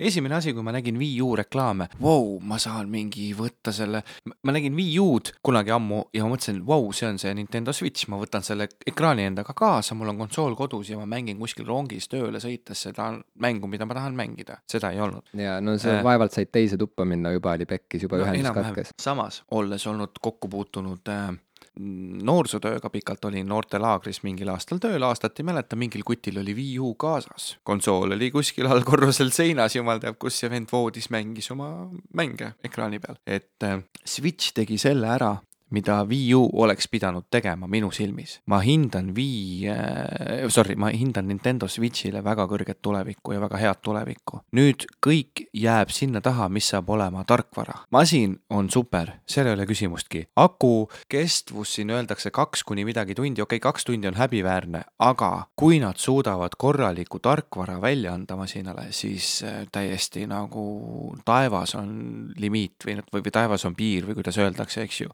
lihtsalt andke minna, Nintendo on alati olnud väga-väga innovatiivne, teinud väga häid konsoole ja ma arvan, et Switch'ist võib tulla selline uus Nintendo Wii, kui nad nüüd suudavad tarkvaraga sammu pidada. riistvara on super. jah, ja kui nad saavad third party support'i kõvasti rohkem kui Wii U, eks ole. just, just Wii täpselt. puhul oli see valik ikkagi nii kidur lõppkokkuvõttes, et äh, need, kes armastasid Nintendot ennast, Nintendo enda toodangut, need olid rahul, aga kes tahtsid mängida seal ka blockbustereid nagu GTA ja, ja miks mitte Call of Duty, need pidid tingimata ikkagi ostma endale kas PS-i või Xbox'i, eks ole. aga milles on point, ongi see, et Nintendo ei ole kunagi läinud, ma, ma näen nii palju foorumites igal pool seda, et oo, et siin võiks olla see mäng ja see mäng ja GTA ja see ei ole kunagi olnud Nintendo pärusmaa, nad ei tahagi sinna mänguväljakule astuda. Nende kontseptsioon ja nende huvi on teine, neid ei huvita need GTA mängijad, need GTA mängijad ostavad endale Xbox'i või muu asja, aga Nintendo ostavad need mängijad, kes tahavad mängida muid mänge. et selles mõttes jällegi eh, ma ei näe, ma ei näe seda kui miinust. ainuke asi, mis ma näen praegu Nintendo Switchi puhul miinusena, on see, et tarkvaras saab olema nagu puudujääk, et ei tule piisavalt mänge piisavalt kiiresti ja siis see riistvara sureb välja. see, see juhtus nagu... ka Wii U-ga ju tegelikult. umbes, umbes Samas midagi stsenaarium. sellist asja võib juhtuda ja see, see on nagu see, mis, mis ma natuke kardan. kas see võiks probleem olla, et kui me räägime siin mängimise tulevikust, et siis virtuaalreaalsus või see, ütleme, kogu see nii, nii virtuaalreaalsus ka aug-, augmenteeritud, täiendatud reaalsuse teema on nagu väga oluline ju. liitreaalsuse teema. õige, liitreaalsus, ma oleks pidanud seda teadma, aga aga ma just mõtlen, et noh, et, et ju nii Microsoft panustab sellesse, Sony panustab sellesse, terve hulk ettevõtteid panustavad sellesse isegi Facebook panustab sellesse, mis on eriti üllatav. ei tea, Facebook panustab nagu kõikjale tänapäeval, aga, aga nagu selles suhtes ju Nintendo ei, ei panusta, mitte mingilgi määral ei ole seotud see nende, nende selle praeguse konsooli tegemistega ega, ega ei paista ka kuskilt midagi tulevat, et kas, kas see võib olla probleem? Ei, mina ütleksin selle koha pealt äh, tark ei torma, las teised teevad ees ära, siis on teiste vigadest võimalik õppida ja siis saab otsustada, kas me läheme sinna rajale või ei lähe. sest kunagi äh, tuli selline suurepärane toode nagu Google'i prillid, mis siis on vist olemas tänapäeval kaheksal inimesel maailmas äkki või, et ma täiega tahtsin osta. Mina tahtsin ka osta, aga mitte sellepärast, et ma tahaks neid kasutada, ma tahaks lihtsalt nagu proovida, mis on Google'i prillid, sest et noh, mingi, kas sa mängid videomängu, ei, ei, mul lihtsalt, mul on prillid prillid, et noh et ühesõnaga, ma arvan, et. ma siia mainin, et, et see, selleks, mida sa just kirjeldasid, selleks ei ole isegi vaja Google'i prille, ma mäletan, kui ma teatrikoolis käisin, mu kursavend, nüüdseks väga kuulus näitleja Tõnis Niinemets istus, ma mäletan, mis see oli, psühholoogia ja eneseregulatsiooni loengus, mis oli pisike klassiruum, kus me olime kümnekesi ja õpetaja oli meist noh, reaalselt vähem kui meetri kaugusel vist. Tõnis lihtsalt nahaalselt istus selle õpetaja nina all, läpakas äh, laual. Ja mängis seal, ma ei tea, kas äh, mingit rallimängu, kas see oli see, mis, mis need on, et see V, V2R või mis need kuradi mängud ma ei mängi ralli, ühesõnaga. WRC äkki või? jah, WRC-d mängis äh, lihtsalt õpetaja nina all ja, ja siukse sirge näoga, noh, umbes niimoodi, nagu ta teeks märkmeid läpakas, see oli nagu väga ränk nahaalsus ja selles mõttes jah, ei, ei ole vaja Google'i prille, sa võid terve oma raali võtta lihtsalt selle õpetaja nina all välja. ma just tahtsin öelda, et raali, aga näed, vaata jälle, kuidas olla ajaga kursis, raali oleks olnud vaja, oleks vaja olnud Google'i prille siis saad õpetajale silma ka vaadata ja lihtsalt just. nagu silma vaadates lihtsalt valetad inimesele. mina ütlen niimoodi, et eh, olles ise katsetanud nüüd VR-i, eh, Sony VR-i, Oculust ja HTC Vive'i ma ei ole proovinud, mul on väga piinlik, ma tahaks hullult proovida, sest ma tean, et see on väga-väga väärt riistvara ja toimib väga hästi. aga võib-olla Nintendo mängudes ei ole seda praegu vaja, sest et neil ei ole nagu tarkvara, mis seda toetaks. et nende mängud ongi nagu vastavalt tehtud noh, mitte VR-mängud, et noh, milleks, et las nad nagu, ma arvan, see on õige strateegia, oodata ära, mis teised teevad ja siis hakata vastavalt tegutsema, et kas on vajadust või ei ole. vaata, me Jimiga pole, pole vist ühtegi tõsist VR-i proovinud, mina olen näinud seda Galaxy telefoniga töötavat VR-i, et kui te tahate nagu... meile, meile kuskil pakkuda võimalust katsetada, meie ka tegelikult väga tahaks proovida sihukest nagu täiega tõsiseltvõetavat VR-i, et kirjutage meile, me räägime siis pärast, kui lahe see on. minu VR kogemus piirdub sellega, et äh, mulle anti see papist kokku volditav äh, VR äh, karbike, kuhu sisse võis panna mu nutitelefoni ja siis ma sain seal vaadata ühte ahvi aga tegelikult tehes nüüd promo, me tegime Resident Eviliga äh,, Resident Evil seitsme ilmumise ajal tegime Exit Room'is äh,.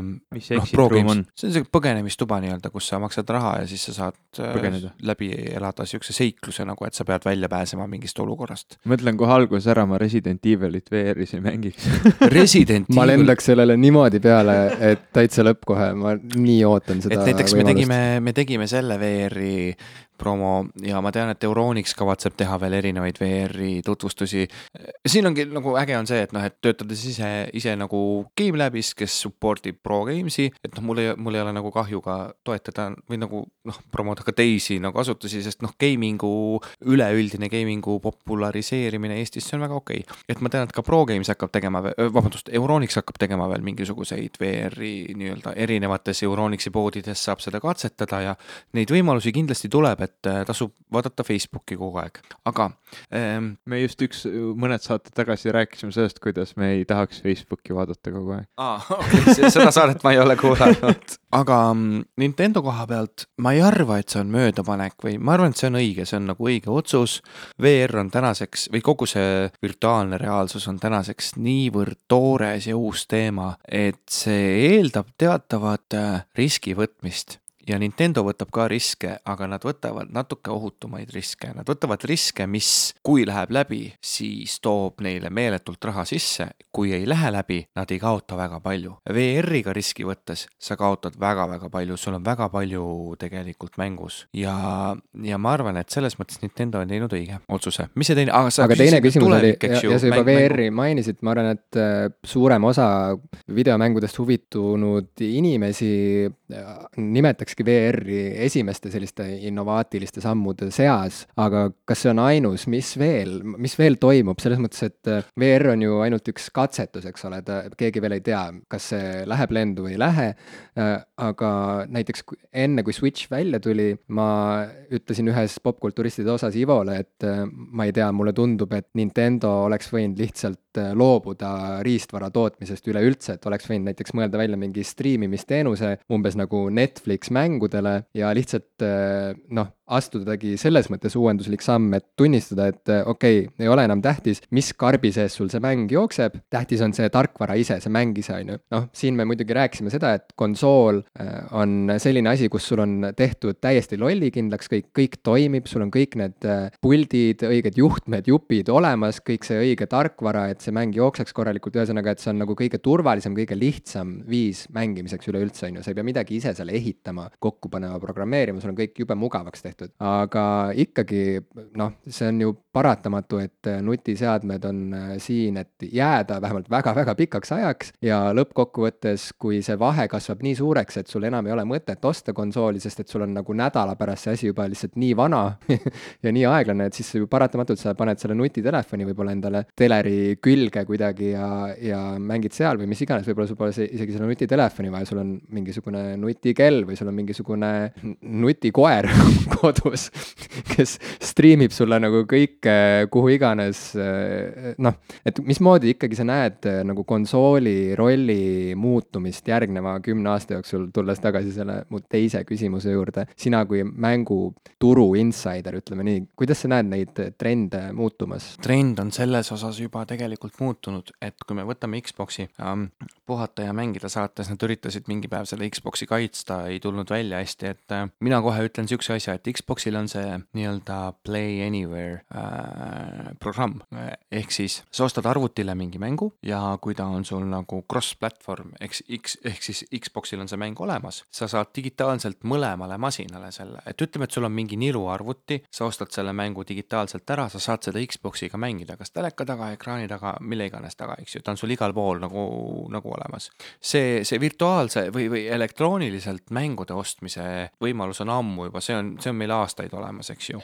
aga mulle meeldib see, et konsoolidele on ka tulnud see virtuaalne ostmine pluss lisaks on need teenused, Xboxil on Xbox Live, Playstationil on Playstation pluss, sa maksad mingi teatud teenuse eest, lisaks on veel EA Access, eks ju, EA Access on mõlemale masinale saadav, et sa maksad, eks ju, mingisuguse väikse raha ja sa saad siis neid mänge endale digitaalselt alla laadida, alla laadida ja mängida. konsooli suurim pluss minu silmis praegu, vahet ei ole, mis konsoolist me räägime, eh, sa ei pea teadma, see on masin, mis on kogu perele kasutada, aga su pere ei pea täpselt täpselt teadma, kuidas asjad töötavad, kui mida, või kui midagi arvutis ei toimi, nad ei pea oskama arvutit upgrade ida. konsool on oluliselt odavam kui arvuti, tänase päevani on kogu aeg seda olnud ja konsool on investeering seitsmesse kuni kaheksasse aastasse. arvuti, ostes tänapäeval, kui sa ikkagi tahad mänguarvuti, kui ütleme, et kui sa ostad endale töö tegemise arvuti, see kestab sul kauem. mänguarvuti, noh, kaks aastat maks ja juba pead hakkama upgrade ima, kui sa tõesti tahad nagu päris noh, nagu hea kõrgkvaliteedilise pildi pildiga mängida neid mänge, lihtsalt need arvutimaailm areneb niivõrd palju kiiremini edasi riistvaralises pooles. konsoolimaailm areneb edasi tarkvaralises pooles, ehk siis nad võtavad sinu olemasolevast riistvarast maksimumi ja panevad need mängud kenad välja nägema ja hästi jooksma. et seda,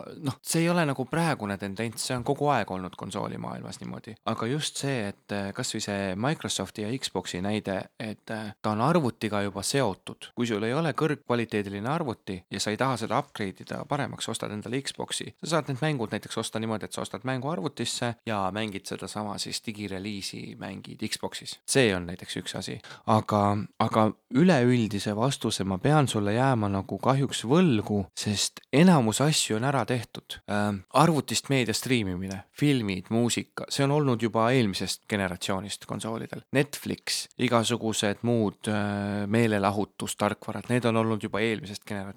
Et kuhu edasi minna, ma ei, ma ei oska sulle vastata, sest et ma ei tea. ma ei oska nagu mõelda asju välja, millest ma midagi ei tea, et, et praegu tundub tavakasutaja jaoks kõik olema nagu olemas konsoolides. nii et sa näed, et siin tegelikult on mõnes mõttes see jalgratas juba mõnda aega tagasi leiutatud, et nüüd ongi lihtsalt äh, küsimus selles, et kes teeb paremaid mänge ja, ja kui, kui lõbusad nad on, on ju, et, et põhimõtteliselt, et, et, et sa näed, et tegelikult see, mismoodi me praegu konsoole, ühesõnaga, et konsoolide roll roll meie eludes on mõnes mõttes nagu fikseerunud ja et see võibki nii jääda. konsool on, võtame siis kokku nii, vanasti oli veel PlayStation kolme arhitektuur oli väga keeruline, mänge teha oli väga-väga rets ja, ja see, see oli täiesti müstiline masin. tänaseks päevaks nii Xbox One kui PlayStation neli on arvuti, ta on tegelikult sisuliselt arvuti, aga ta, kui sa ostad endale konsooli, siis sa saad odavamalt, odavama raha eest arvuti selliste spekkidega, mis sa, kui, kui sa tahaks nagu osta arvutit, mis suudaks mänge nii jooksutada, sa peaks kaks korda nii palju raha või isegi kaks pool korda nii palju raha maksma Jan, kui sa lähed teatrisse ja vaatad Jimmy laval esinemas, kas sa tahaksid talle pärast kuidagi niimoodi äpi kaudu tänu avaldada või tunned sa sellist vajadust, et, et sa ei tahaks nagu temaga päriselt rääkima pärast minna, sest noh, võib-olla ta, võib-olla ta nagu räägiks su surnuks või midagi, et, et nagu annaks talle kuidagi äpi kaudu selle tänu, oled sa mõelnud kunagi sellele? Jimmyle ma annaksin tänu otse, ma ootaks, ma oleks nõus ära ootama need inimesed ära minema, ma kuskilt võib-olla läbi turv-, turvameeste suruks läbi ennast, ütleks, et Jim, väga äge etendus oli või siis vastavalt väga vilets, oleneb, kuidas ta näitles too õhtu. vot seda ma ootan, seda viimast ma väga ootan. Aga... kohtume Vanemuises, kui ma Otellot mängin jälle, vaata kava üle. kusjuures eh, väga hea, et sa selle välja tõid, mine, mine tea, kui väike kutt, eh, kui väike ülemus kodus lubab tulla vaatama, siis tegelikult oleks see täitsa teema, aga mingile muule etendusele kindlasti mitte ei viitsi ma anda punkte, sest miks, mis vahet seal on? see küsimus tuli teemaks sellepärast, et vabas mikrofonis räägiti, et eh, No99 on teinud mingi sellise rakenduse, mille abil sa saad siis telefonis pärast etendust või, või võib-olla isegi etenduse ajal, ma ei ole seda ise proovinud, eh, siis etenduses olevatele näitlejatele tänu avaldada. Ja, ja nagu ma aru sain, isegi oli seal mingi sihuke raha, rahakomponent, et said neile kuidagi nagu tippi jätta. Ja siis äh,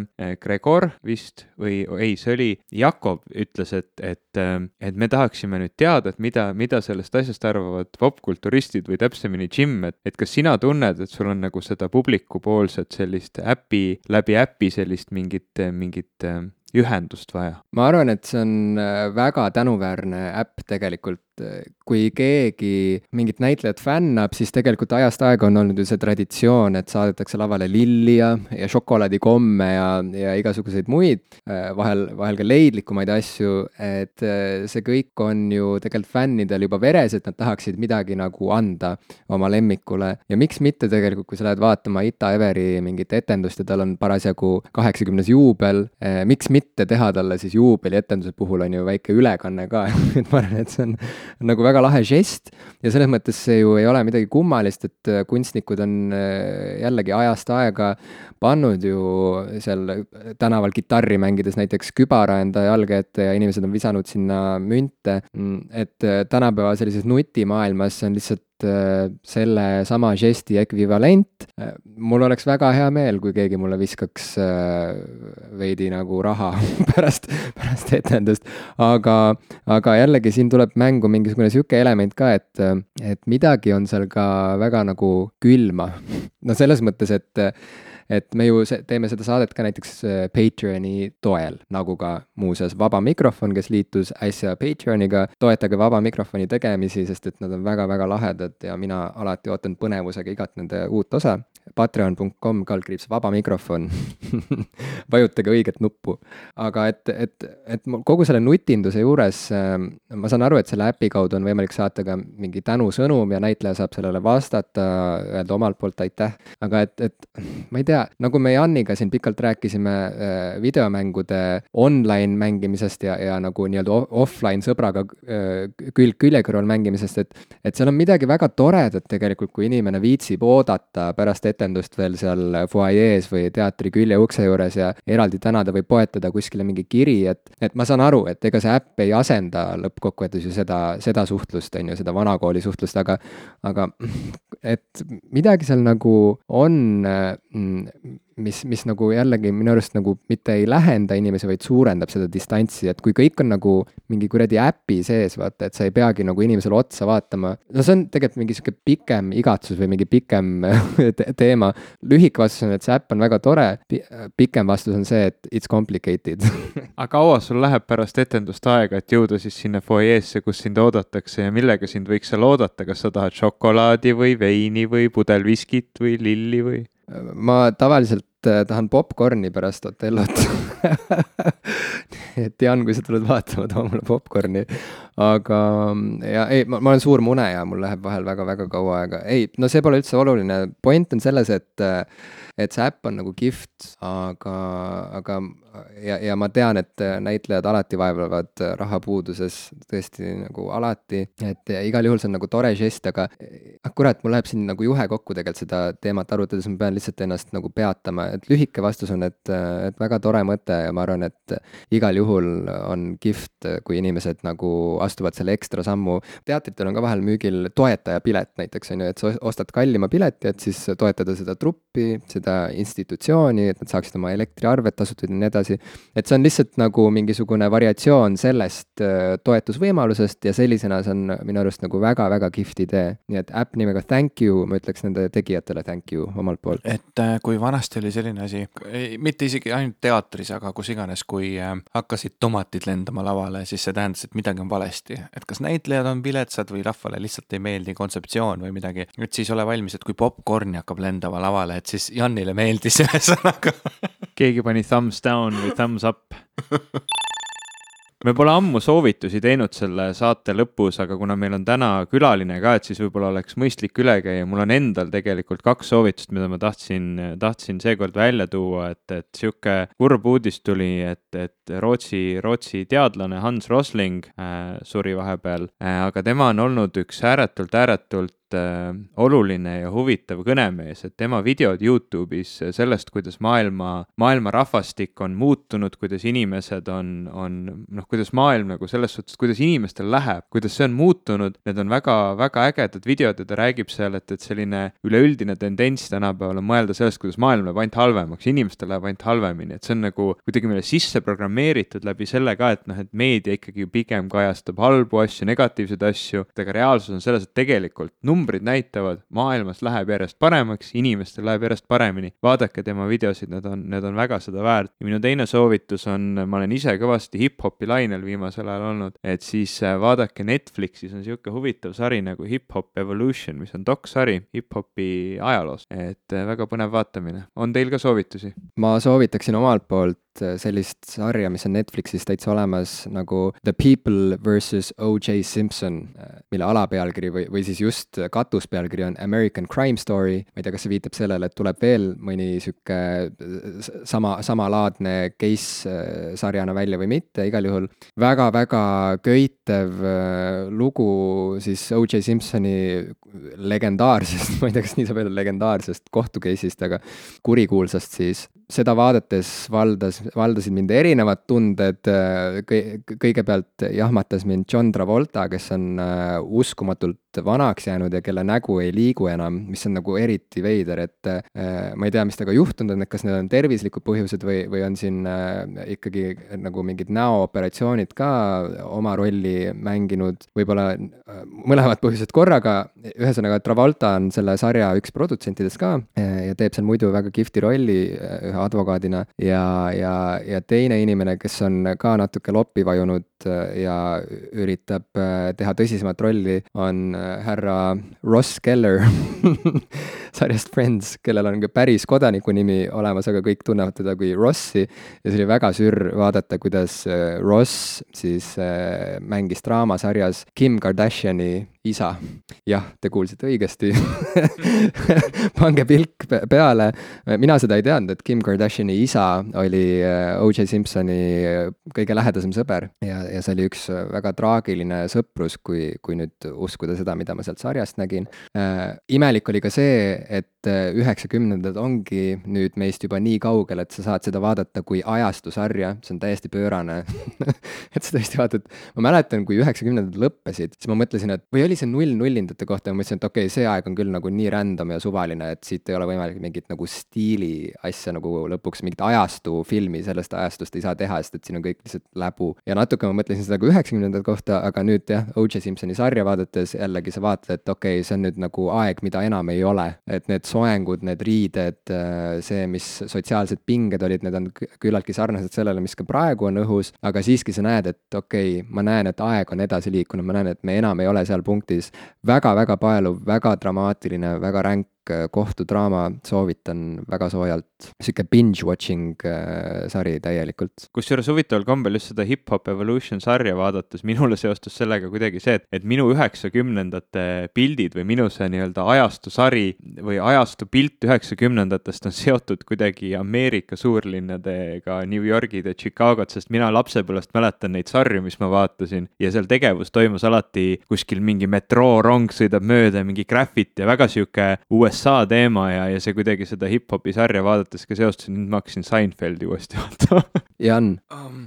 ma ei teagi, ma ei, vot see on nüüd üks osakond, mida ma ei olnud ette valmistunud, aga kaks asja, mina hakkasin tegema sellist asja, et hommikuti, kui ma lähen tööle või kui ma tulen töölt või äh, ma enam podcast'e nii väga ei kuula, aga ma kuulan nagu selliseid äh, motiveerivaid äh,, motiveerivaid kõnesid või saateid või, või mis äh, õpetavad, kuidas olla parem inimene, kuidas saada paremini oma lähedastega ja ennast ümbritsevate inimestega läbi ähm,. Simon Sinek on näiteks üks vend, kes kogu aeg teeb nagu selliseid äh, kõnesid, TED Talk'id ja igast asjad, et ma täiesti Youtube'ist brausin neid suvaliselt, ma ei hakka isegi ühtegi nagu välja, välja tooma, ma lihtsalt nagu huupi, huupi brausin, et see on nagu väga huvitav ajaviide, et, et kuulata, kuidas, kuidas olla teistele inimestele kasulik. aga siin, siin ma kahjuks ei oska nagu tuua välja ühtegi konkreetset kõnepidajat, sest ma alles ise nagu avastan seda maailma. ja teine asi, aga kui me läheme nagu Netflixi juurde konkreetselt, siis midagi ei ole teha uh,. Stranger Things, ülimalt äge, nagu olin täiesti üllatunud uh,, veits klišeene kohati, aga väga-väga äge, et vaadake ära, teine hooaeg on tulemas nüüd aasta lõpupoole, eks ju, Halloweeni ajal, et äh, see oli, see oli minu jaoks oli natuke, ma ütleks nagu värskendav kogemus oli nagu, et väga-väga kihvt. enne kui me sellele saatele punkti paneme, Jan, ma pean küsima selle ema küsimuse kõikide küsimuste ema, oled sa valmis? no ma, ei muidu loomulikult, ma ei oleks muidu tulnud siia. ära, ära hakka, ära hakka hämama, on ju, et, et vasta ausalt ja konkreetselt. nii, nii, siit see tuleb, kas Xbox või Playstation? ühe küsimuse ma küsin ette, kas kõik generatsioonid või viimane generatsioon? üleüldiselt, äh, me, me oleme siin Ivoga Aa. siin saates vahel teinud äh, sellist Aa, mängu okay,, okay. et et ja kusjuures meie kõige esimene äh, podcast'i osa kandis pealkirja Kohver kosmosesse, mis tähendas seda, et me rääkisime sellest, et, et millise bändi muusika me saadaksime kosmosesse ühes kohvris okay,, okay. mis jääb meenutama muusikamaailma planeedil Maa, on ju, et, et kui me peame Aa, valima nagu ühe okay. bändi, kelle loomingu me saadame, siis äh, Ivo saatis Frank Zappa loomingu, mina saatsin Radioheadi loomingu, et, et lootuses, et tulnukad kunagi kuskil kui leiavad me... teises dimensioonis, et mis see üks asi on, samamoodi, kui sina pead panema nagu kohvrisse, on ju, kas Xbox'i või Playstationi ja saatma selle nagu esindama konsooli elu maa peal, siis Päris kumb, ma tean, et Nintendo on eraldi kategooria ja selles mõttes Nintendo tahtsin, läheb niikuinii. ma tahtsin öelda Sega Dreamcast, aga wow., aga, aga äh, Xbox. issand jumal, kuidas puhtalt nii? sellepärast, et kui ma pean, eks ju, vaatama, kui me vaatame kogu seda, Xbox One'il ei lähe väga hästi, oleme ausad, neil ei lähe ka väga halvasti, aga neil ei lähe väga hästi, aga minu südames lihtsalt äh, läbi aja ja, ja kõik see, mis ma olen kogunud, need emotsioonid, mis mul on seoses Xbox'iga ähm,. kui me jätame One'i kõrvale, võtame kolmesaja kuuekümne ja võtame Xbox selle esi-, esimese Xbox'i, siis no ma pean saatma Xbox'i, Xbox'i, sest lihtsalt see konsool on äh, minu silmis on parem. PlayStation neli, kui me räägime ainult viimasest generatsioonist, siis PlayStation neli, aga kui me räägime üleüldiselt, siis Xbox. ei vaidle olemas, kirjas